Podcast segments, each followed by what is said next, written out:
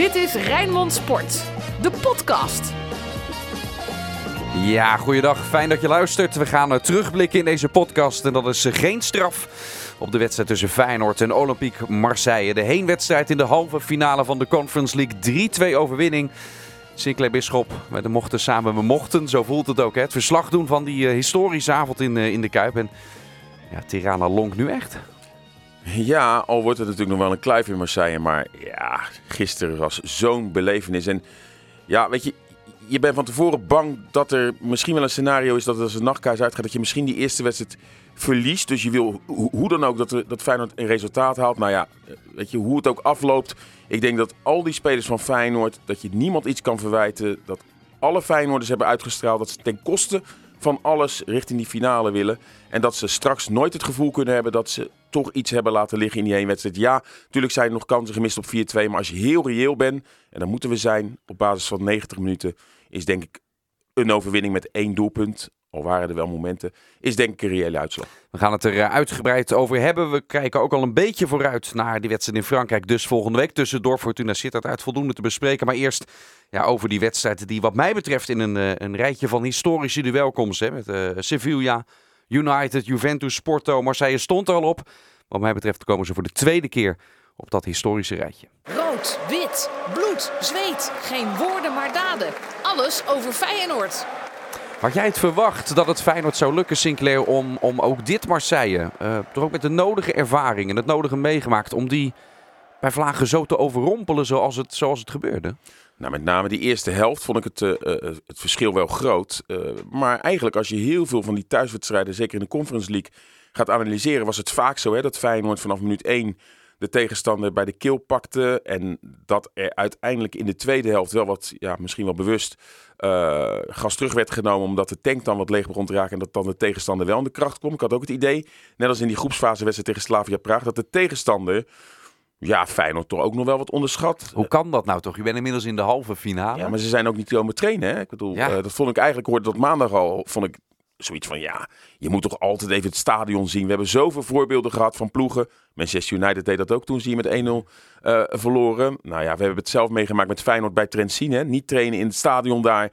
En ja, je kan het nooit bewijzen. Maar ja, onbewust sluipt er toch iets in van joh, we doen dat wel eventjes. Smiddags nog getraind in Frankrijk, even met vliegtuig naar Rotterdam. L'arrogance. En dan op een gegeven moment... Uh, arrogantie? Nou, een soort arrogantie, maar sommige trainers hebben zo'n werkwijze. Maar ja, zeker in de Kuip het is, denk ik, gaan spelers pas echt pas meemaken. Al die Franse journalisten, ook de Franse media, ja. staat er vandaag bol van die incredible, uh, de, de, de, sfeer, hoe geweldig dat was. En dat wordt denk ik onderschat. Wat voor invloed dat toch dat publiek van Feyenoord heeft. Want ja, jij zat er ook, wij zaten er. En eigenlijk een half uur van tevoren zaten wij op ons plekje. En toen had ik al het gevoel dat Feyenoord 1-0 voor stond. Ja, jij refereerde zelfs een beetje aan de sfeer uh, die er hing rondom die wedstrijd tegen Heracles. We zaten allebei al op tijd op onze plek. Bij de grotere wedstrijden uh, doen we dat allebei vaak. Om even die sfeer ook op te nemen en, en, en op te slaan. Omdat het ja, gewoon machtig mooi is. En je merkte gewoon, je voelde het hangen van er staat iets moois te gebeuren. En, en slaat dat nou ook over op die spelers op het veld en ook op de tegenstander, denk je? Ja, al kan het ook soms uh, ervoor zorgen dat je misschien juist het te veel mee wordt gezogen en misschien wel rare overtredingen gaat maken. Maar ja, juist niet in dit geval. Al was de eerste grote kans, echt de grote kans wel voor ook Marseille. Hè. Ja, Dessers kreeg een hele grote, maar Marseille ook met die, die, die Dieng. Twee keer eigenlijk. Twee keer. Ja. Um, en daarna was er echt een fase dat Feyenoord uh, ja, Marseille compleet ja, overklaste. Maar met name door gelijk druk te zetten, bal af te pakken. En jammer genoeg werden dan niet altijd de juiste keuzes gemaakt. Want bij 2-0 zaten we eigenlijk eerder te wachten op 3-0. Marseille ja. was het helemaal kwijt. En dan uit het niets 2-1. En, en dan zie je wel iets wat we vaker zagen. Niet alleen in de Conference League, ook tegen NEC thuis, tegen RKC thuis. Dat het dan wel, dat Feyenoord even de kluts kwijt is. En, dat het dan ineens ook 2-2 wordt. En dat je ineens achter de feiten aanloopt. Maar ja, dit Feyenoord toont ook eigenlijk altijd wel weer veerkracht. Dan wordt het 3-2, heeft Feyenoord het heel moeilijk. Ja, en ga je toch nog met een gevoel naar huis van... Ja, Baks, schiet gewoon die bal binnen. Dan maak je je hele complete mislukte seizoen tot nu toe in één keer goed. Cyril Dessers, uh, die heeft verre van een mislukt seizoen. Die heeft een geweldig seizoen. Uh, staat op 10 goals in, uh, in de Conference League. Ja, maar heel snel dat geld overmaken? Nou, dat, ik vind, ik, ik, ik ben al een langere tijd hè, dat ik roep dat Feyenoord dat moet doen. Omdat ik vind dat je een spits in huis hebt waarvan je weet wat hij doet. En het feit dat 4 miljoen eigenlijk voor een, een, een topclub, zelfs in Nederland, te doen moet zijn. We weten de situatie van Feyenoord, maar ja, ik zeg zo snel mogelijk nu eh, die optie lichten. Dus die 4 miljoen overmaken. Want zelfs al zou je geen toekomst in Dessus zien, ja, heel veel clubs lonken naar de handtekening van Dessus. Dus wat anders gebeurt, dan gaat hij terug naar Genk. En dan gaat er gewoon een club komen en die betaalt een bedrag wat zeker boven de 4 miljoen is. Want dan kan er onderhandeld worden. Want ja, de scout staat er gisteren op de tribune, maar hij scoort er gewoon 10 in Europa. Hij scoort er heel veel in, uh, ook in de Nederlandse competitie. De spelers staan nu, eigenlijk alle spelers van Feyenoord, staan nu in de etalage. Het nadeel dus van alles is, en ik ga niet heel negatief zijn, maar ja, dat het wel heel reëel is dat er een leegloop uh, dreigt. En misschien, hoe hard het ook klinkt, moet Feyenoord ook een keertje nu het ijzer smeden wanneer het heet is. Want er gaan nu bedragen komen, ook voor spelers uh, die overrated zijn. En dat hebben we ook met Ajax meegemaakt toen ze in de halve finale Champions League met bedragen van 80 miljoen en 70 miljoen. En, en Van de Beek die gewoon bankzitter is bij Manchester United voor 50 miljoen. Spelers die gewoon indruk maakten. En Feyenoord, ja, laten we eerlijk zijn, maakt in Europa eigenlijk al heel het jaar indruk. Dan kan je zeggen, ja, maar dat zijn tegen ploegen dan moet het ook kunnen. Maar nu Olympique Marseille is wel een serieuze tegenstander. Waarbij, ja, we hebben gisteren ook gezien hoeveel journalisten. De hele wereld keek mee. Uh, in de perskamer, hoeveel cameraploegen. En dan zijn er ook allemaal scouts. En de eerste helft, laat wil ik zijn, heeft Feyenoord een geweldig visitekaartje afgegeven. Ook weer Louis Sinistera. En dan is het niet reëel om te denken, ook met de contractduur van Sinistera, dat Sinistera volgend jaar Ja. nog in de Kuip speelt. Dat geldt ook voor... Wie heb je nog meer op de, op de korrel wat dat betreft? Want je hebt het over een leegloop. Ehm, ja. ik, ik deel ook inderdaad, Feyenoord heeft te vaak in het verleden de kans ook laten lopen. Wanneer iemand komt, denken ze toch nog even behouden om opnieuw succes te boeken. Want misschien worden ze nog meer waard met een eindtoernooi. Misschien is deze zomer het moment om, om het gewoon toch te doen. Maar nou, je noemt, je noemt Sinisterra. Wie, wie denk je nog meer? Als je het hebt over een leegloop, denk ik dat je, dat je het hebt over vier, vijf spelers dan? Ja, maar dat, dat is eh, gewoon zo waar interesse voor gaat komen. Eh, en kijk, normaal gesproken, hier wil je elftal ook bij nou en eigenlijk moet het ook. Maar we kennen, Dennis, jij weet het nog beter dan ik. Je zit ook in het stadiondossier. De financiële situatie van Feyenoord. Feyenoord moet het met transfergelden, moet Feyenoord ervoor zorgen dat de club ook weer en echt gezond wordt en ook verder gaat bouwen. Nu gaan er mogelijk bedragen komen die je dan niet moet weigeren. We kunnen het niet veroorloven om een eh eh, Jurgensen scenario te krijgen van een bedrag dat er komt. Dat, dat je eigenlijk denkt, nou, er moet een strik omheen en dat je toch een speler gaat tegenhouden. Buiten het feit dat er teleurstellingen bij spelers gaan komen. Die nu ook denken van, dit is de kans. Ja. En ehm, je weet ook niet, het is nu allemaal mooi. En we blijven ook nu even in die eu- euforie. Maar volgend jaar kan het ook Europees gezien wel ineens tegenvallen. Dat je wel ineens heel snel wordt uitgeschakeld of wat dan ook. En dan staan die ploegen echt niet meer op de stoep. Natuurlijk voor sommige spelers nog wel. Maar er gaan ook bedragen dadelijk komen voor spelers waarvan we nooit hadden gedacht van... Ja, hier gaat Feyenoord dat en dat bedrag vervangen. En, en, dan denk ik dat je op een gegeven moment hè, ook met wat spelers willen... die nu ook meer willen nadat ze de Europese topwedstrijden wie hebben denk je dan? meegemaakt. Aan wie denk je allemaal? Kukcu, Ja. Malasia, heel misschien zelfs Geertruida. Nou, eh Senesi, is heel erg logisch. eh, ook met de, contractduur, weet je. En het is allemaal, het zijn, geen leuke verhalen nu om één dag voor supporters te horen. één dag na zo'n eu- euforie. En die denken, Sinclair, hou je mond. We willen volgend jaar weer iedereen houden. Maar is dat reëel? En laten we ook gewoon eerlijk zijn. Dan moet Feyenoord zo creatief zijn om dat wel goed op te vangen. Arne Ja. Slot heeft bewezen ook nu al heel snel iets erin te kunnen. Er kunnen staat een andere scouting nu, hè, waar die best wel krediet verdienen en, en waar je vertrouwen in mag hebben. En dan ga je misschien echt bedragen krijgen, nogmaals. eh, doordat er nu scouts ook komen eh, die bedragen neer gaan leggen. Want Sinistera, normaal gesproken, zien ze Sinistera alleen schitteren tegen RKC Waalwijk en, eh, en, en Rode JC, bij wijze van spreken.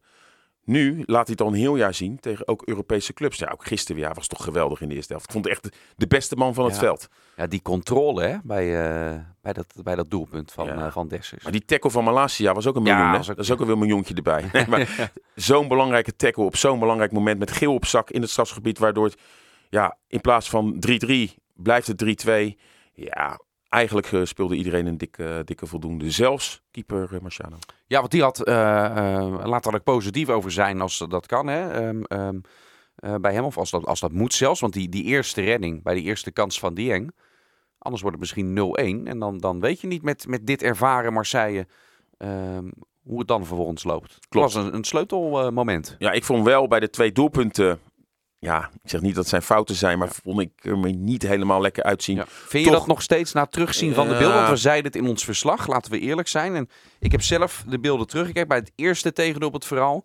Er zit wel echt een hele lastige zwabber in dat het voor een keeper eh, Ja, maar een moeilijke bal is. ik laat me dan door mensen die eh, eh, technisch, op technisch gebied weten veel van het keepersvak, dat hij in eerste instantie verkeerd staat. Wil ik doen geloven. Feit is dat die bal hard wordt ingeschoten en het is zijn hoek. Hij, mag er wat meer doen, wordt er dan gezegd. Aan de andere kant is dit wel een speler met klasse die die bal hard inschiet. En dan is het verschil dat Marciano ook geen wereldkeeper is. En een wereldkeeper houdt misschien die bal. Heel misschien dat Bijlo die bal had uh, tegengehouden. Maar zo mag je niet redeneren, want Bijlo is er niet. Dan moet je hem beoordelen op hoe hij gisteren in het veld staat. En dan moet je gewoon zeggen dat hij op bepaalde momenten uh, Feyenoord ook in de race houdt. Hij heeft een bal waar hij zelf nog niet door heeft hoe hij de redding verricht. Maar goed, hij pakt die bal wel. Ja, die door zijn benen heen. Die door zijn benen ja, heen, ja, dus dat moet ook een beetje meezitten. Uh, dus hij krijgt ook gewoon een voldoende. En, en, en, en heeft gisteren gewoon goed gekiept. En hij zal ook nodig zijn. Uh, we hebben er ook niks aan, al zou hij gisteren een mindere beurt hebben gehad om hem af te fikken. Want hij moet er komende week staan, maar Feyenoord nog meer tegenstand uh, gaat krijgen van dit Olympique Marseille. Dat in de tweede helft wel laat zien dat ze natuurlijk wel gewoon goed kunnen voetballen. Eerste helft niet, maar tweede helft hebben we wel... Ja, op een gegeven moment kreeg Feyenoord in de, met name de laatste 20 minuten de bal niet meer van de eigen middenlijn af. Wat vond je van, uh, van Geertruiden? Laten wat meer spelers doorlopen. En ik kom daarop omdat de Franse media, die gingen cijfers geven, volgens mij L'Equipe gingen cijfers geven en die gaven Geertruida een hele dikke onvoldoende.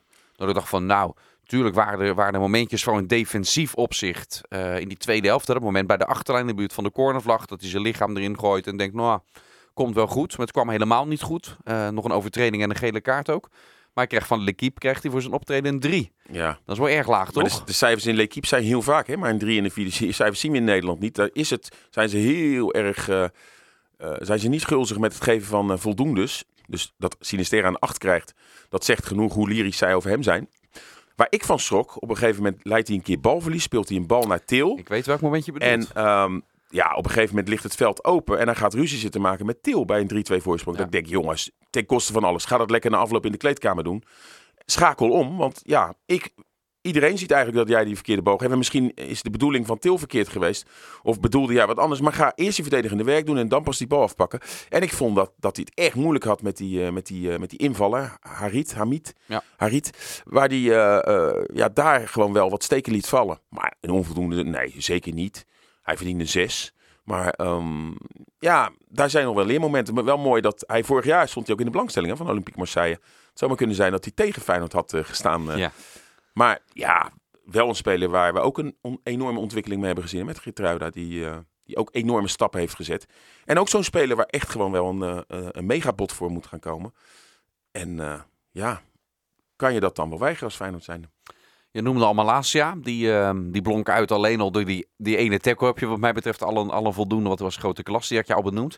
Wie, wie vond je verder de, los van Dessers uiteraard en, en, en Sinisterra, want die zijn al, al benoemd. Maar bijvoorbeeld op middenveld, wie, wie was de beste middenvelder? Ik vond Kukcu ook gewoon echt weer geweldig spelen. Hij gooide er ook nog een keer een sprint uit in de tweede helft. Dat ik dacht, jouw tank is toch al op. En dan ging hij nog langs een, een speler uh, op snelheid. Ja, was echt ook een van die spelers die ja, ten koste van alles die finale wilde halen. In de eerste helft, ik zag vannacht de beelden ook nog eens een keer terug. Die bal die Dessus uiteindelijk in de minuut vier of zo naschiet. Dat ook ja, Kukcu des duivels is. Van geef die bal aan mij, ik sta er nog beter voor. Aan de andere kant denk ik, ja, Dessus die schiet zoveel ballen binnen. En dan begrijp ik wel, als hij de kans krijgt in de 16, dat hij de bal uh, in één keer neemt. Schiet hem wel ruim naast. Maar ik vond Kukcu geweldig spelen. Uh, ik vond um, Til niet goed spelen, maar wel weer zo belangrijk voor het elftal. Dan kan je als verzachte ja. omstandigheid dat hij natuurlijk lang eruit is geweest. Maar als je ziet wat voor energie Guus Til ook wel weer in die wedstrijd stopt. Ja, ja dat is het. Hè. Hij is uh, aan de bal, was het niet zo'n goede wedstrijd van hem. Maar zonder bal was het misschien wel een van de beste Feyenoorders die er, uh, die er was. Aan het, aan het sleuren. Marseille had het echt heel erg moeilijk met hem. Hè. En het vele balverlies op eigen helft. Ja, is echt ook een gevolg van, uh, ja, van, qua... van het niveau wat hij op dat gebied weer aantikte. Ik vind hem uh, Mister Koning druk zetten. Misschien is hij ook wel degene die het start zijn mag geven. Want hij doet dat zo goed en dat zorgt voor zoveel balveroveringen. Alleen ja, het kritisch is aan de bal werd een verkeerde keuze gemaakt. Niet alleen door hem, hoor, door meerdere spelers. Nelson, een paar keer dat die bal goed teruggelegd moet worden. Ik moet zeggen, die, die, die, die goal die Sinistera maakt, geeft, legt hij dan wel goed af.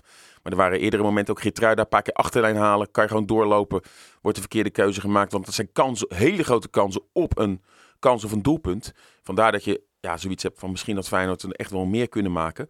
Um, maar ja, eigenlijk doe je denk ik het elftal tekort als je buiten Sinistera mensen eruit gaat pikken. Want eigenlijk scoorde iedereen wel gewoon een, ja. uh, een goede voldoende met allemaal. Wat ik zeg, iedereen heeft uitgestraald. Dit is misschien wel once in a lifetime. We kunnen geschiedenis schrijven.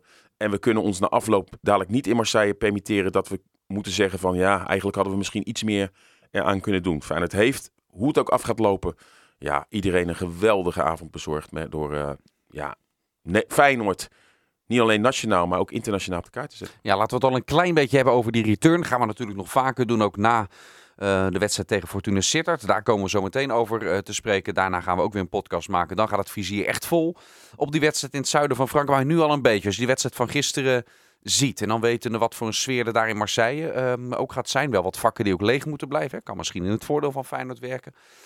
Wat voor, wat voor wedstrijd verwacht je daar te gaan zien? Hoeveel kans geef je Feyenoord nu? Nou, een afloop de persconferentie vond Sampioli, de coach van uh, Marseille, dat Feyenoord in het voordeel was. Arne Slot houdt op 50-50.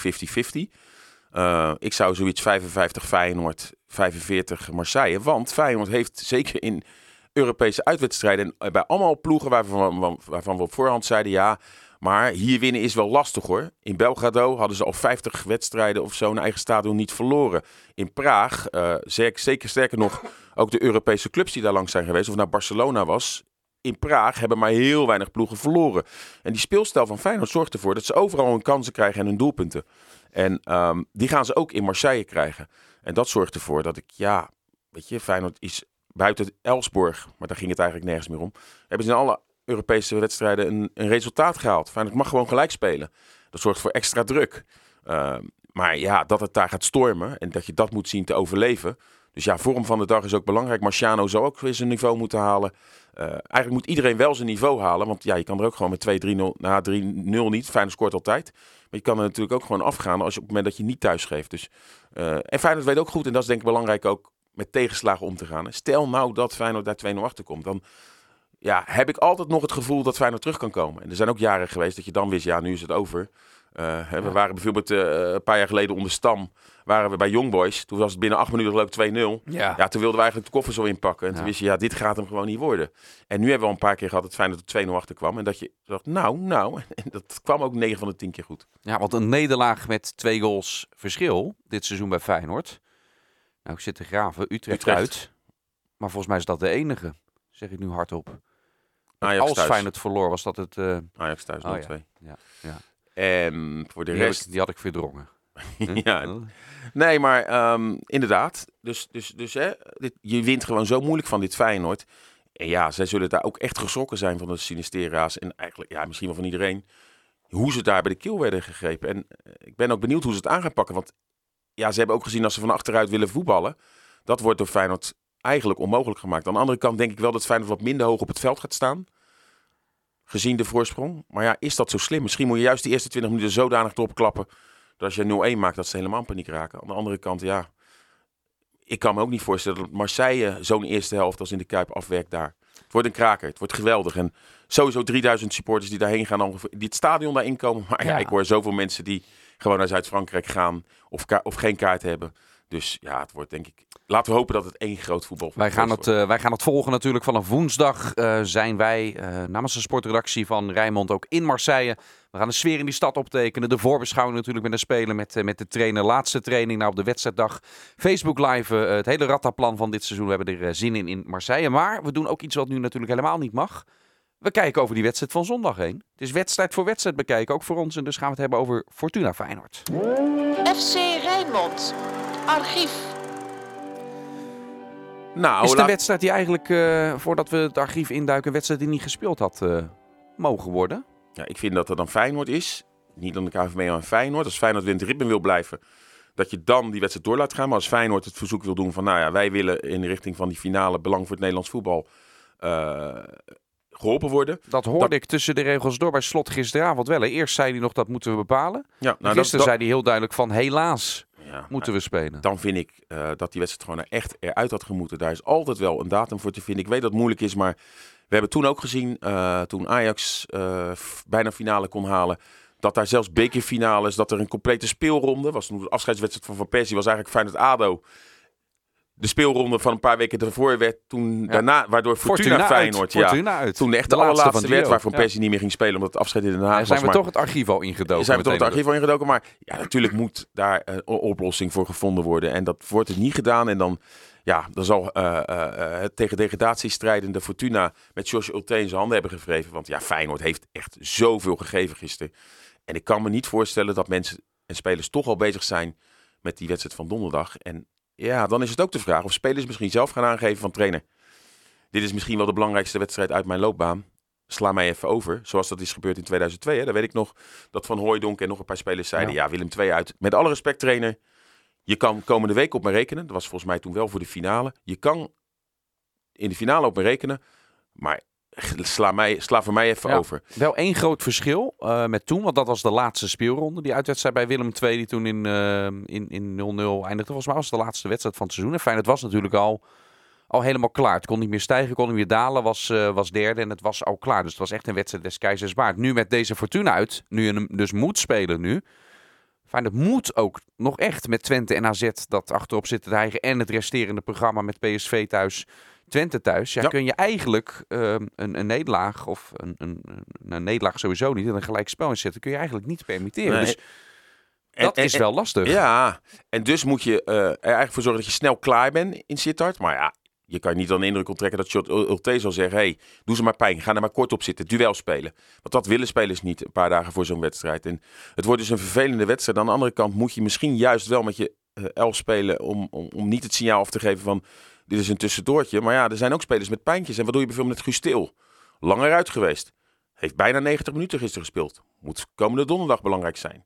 Dan zou het eigenlijk logisch zijn dat je hem niet opstelt. Maar ja, we hebben het er net over. Dus dat is een dilemma. En uh, gisteren wist Slot daar nog geen antwoord op te geven. Maar ja, ik blijf het ongelooflijk vinden dat de voetbalbond niet mee heeft gedacht.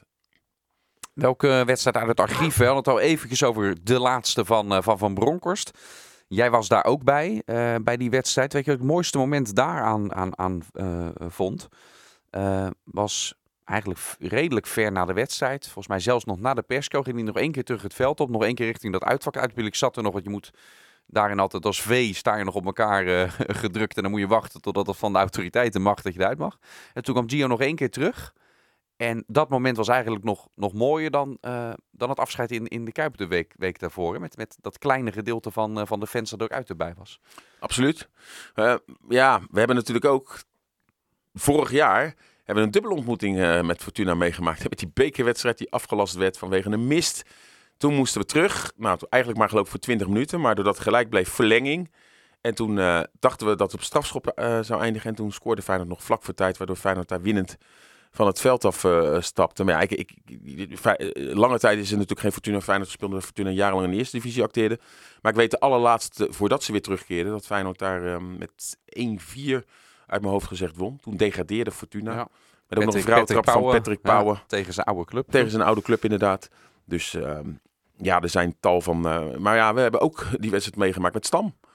Dat wij nog niet zaten, of zeker naar rust, dat Feyenoord op een gegeven moment 4-0 achter stond. Toen kwam Feyenoord nog wel geloof ik terug. Uiteindelijk 4-2 nederlaag of zo. Maar ja. dat was ongelooflijk. Dat, toen, toen ging echt alles mis wat er mis kon gaan. Ja. Toen Fortuna Hekkensluiter, een van de eerste wedstrijden van het seizoen, ja, een wedstrijd ja, 6 Volgens mij was het 2-0 en onmiddellijk na, de rust, rust uh, viel de 3-0. Dat je denkt van 2-0, nou misschien wordt er iets, uh, iets op scherp gezet. Kijken hoe ze uit de kleedkamer komen. En binnen een mum van tijd 3-0. Ja. ja, dat was een. Uh, dat was geen leuke editie van, uh, van Fortuna Feyenoord. Hoe vind jij dat Feyenoord die wedstrijd komende uh, zondag dan moet aanvliegen? Ja, ik denk juist um, uiteraard met, met de spelers waarbij de enige risico is dat ze donderdag niet kunnen spelen, dan moet je het risico niet nemen. Maar voor de rest, nu je moet spelen, gewoon met de, de, de sterkste ploeg, omdat het ook de grootste kans geeft met dit Feyenoord, denk ik, dat je ook het scenario hebt dat je na een uur misschien als Feyenoord echt het kwaliteiten aantikt die het heeft, dan zou je een marge kunnen hebben waarbij je misschien alsnog kan wisselen. Dat is natuurlijk het ideale scenario. Maar zij gaan schoppen, Fortuna. En ja. Sinistera wordt uit de wedstrijd geschopt. Dan zeggen we toch allemaal, ja, wat is dit nou? Waarom?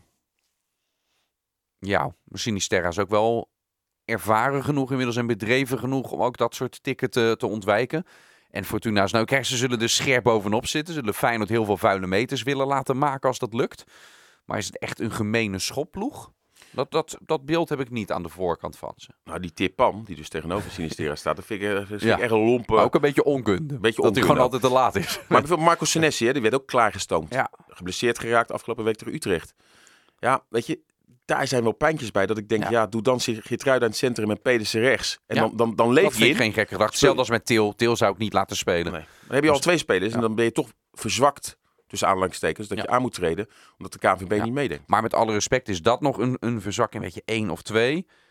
Um, dat kan dit Feyenoord wel, wel opvangen. Daarvoor heeft het een, een kern van pakken met 15 spelers mee het kan. Dit Feyenoord kan het zich niet permitteren, ook niet uit bij uh, Fortuna Sittard als het nog moet om vijf of zes spelers te gaan uh, wisselen. En dat ik verwacht ook echt niet, als ik in slot zijn hoofd kruip en wat ik hem tot nu toe zie doen dit seizoen, dat hij dat gaat doen. Nee, ga je niet. mogelijk tegen de nederlaag aanlopen. Hè? Stel dat AZ en Twente winnen weer, dan komt er toch een beetje een vervelende negatieve sfeer. In de zin van negatief, je, je begrijpt wat ik bedoel. Ja. En dan ga je toch met een ja, minder lekker gevoel richting eh, Marseille. Dus, uh, maar het is gewoon een vervelende vlieg die je uh, van je af moet slaan afgelopen wie komend weekend. Jij was bij Fortuna Sparta. Um, uh, want Fortuna leek ook al dood en begraven. Dat is dit seizoen in de Eredivisie met meerdere teams gebeurd die er gewoon inmiddels weer, weer bij staan. Denk aan Pek Zwolle ook. Ehm, jij hebt ze dus 90 minuten lang met je neus erbovenop in het stadion gezien. Um, tegen Sparta was het duidelijk hoe, hoe, dat, hoe dat ging. Maar waar kan dit Fortuna Sittard Feyenoord dan ook pijn doen? Als Feyenoord gewoon bij de les is. Nou, ze hebben nu het vertrouwen. Nu ze zes punten hebben gepakt. Niet alleen tegen Sparta, maar een week daarna wonnen ze ook van Go Ahead Eagles. Dus het vertrouwen zal er zijn. En ze hebben natuurlijk wel een paar geweldige voetballers. Met Fleming, die eigenlijk te laag speelt met Fortuna. Met Seuntjes. Er zitten nog een paar spelers bij die ik echt wel uh, beter vind dan uh, een ploeg die tegen degradatie vecht. aan de andere kant wel heel opportunistisch hoe ze spelen.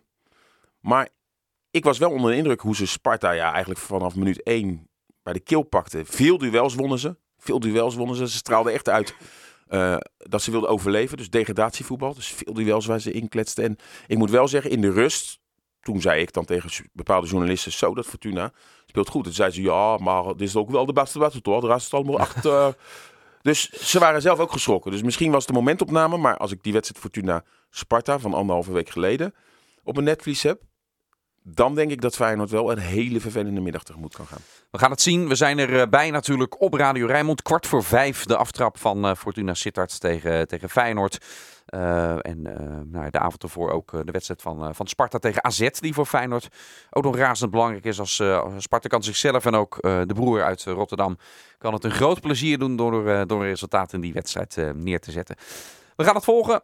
Eerst in Limburg, daarna in Frankrijk. Tussendoor uh, komt er ook weer een nieuwe podcast. Hou onze kanalen op social media en onze website in uh, de gaten voor al het laatste sportnieuws. Vooral al het laatste Feyenoord nieuws. Daarover hoef je niets uh, te missen. Dank voor het luisteren voor, voor nu. En we zijn snel terug met een, met een volgende podcast. Dit was Rijnmond Sport, de podcast. Meer sportnieuws op Rijnmond.nl en de Rijnmond app.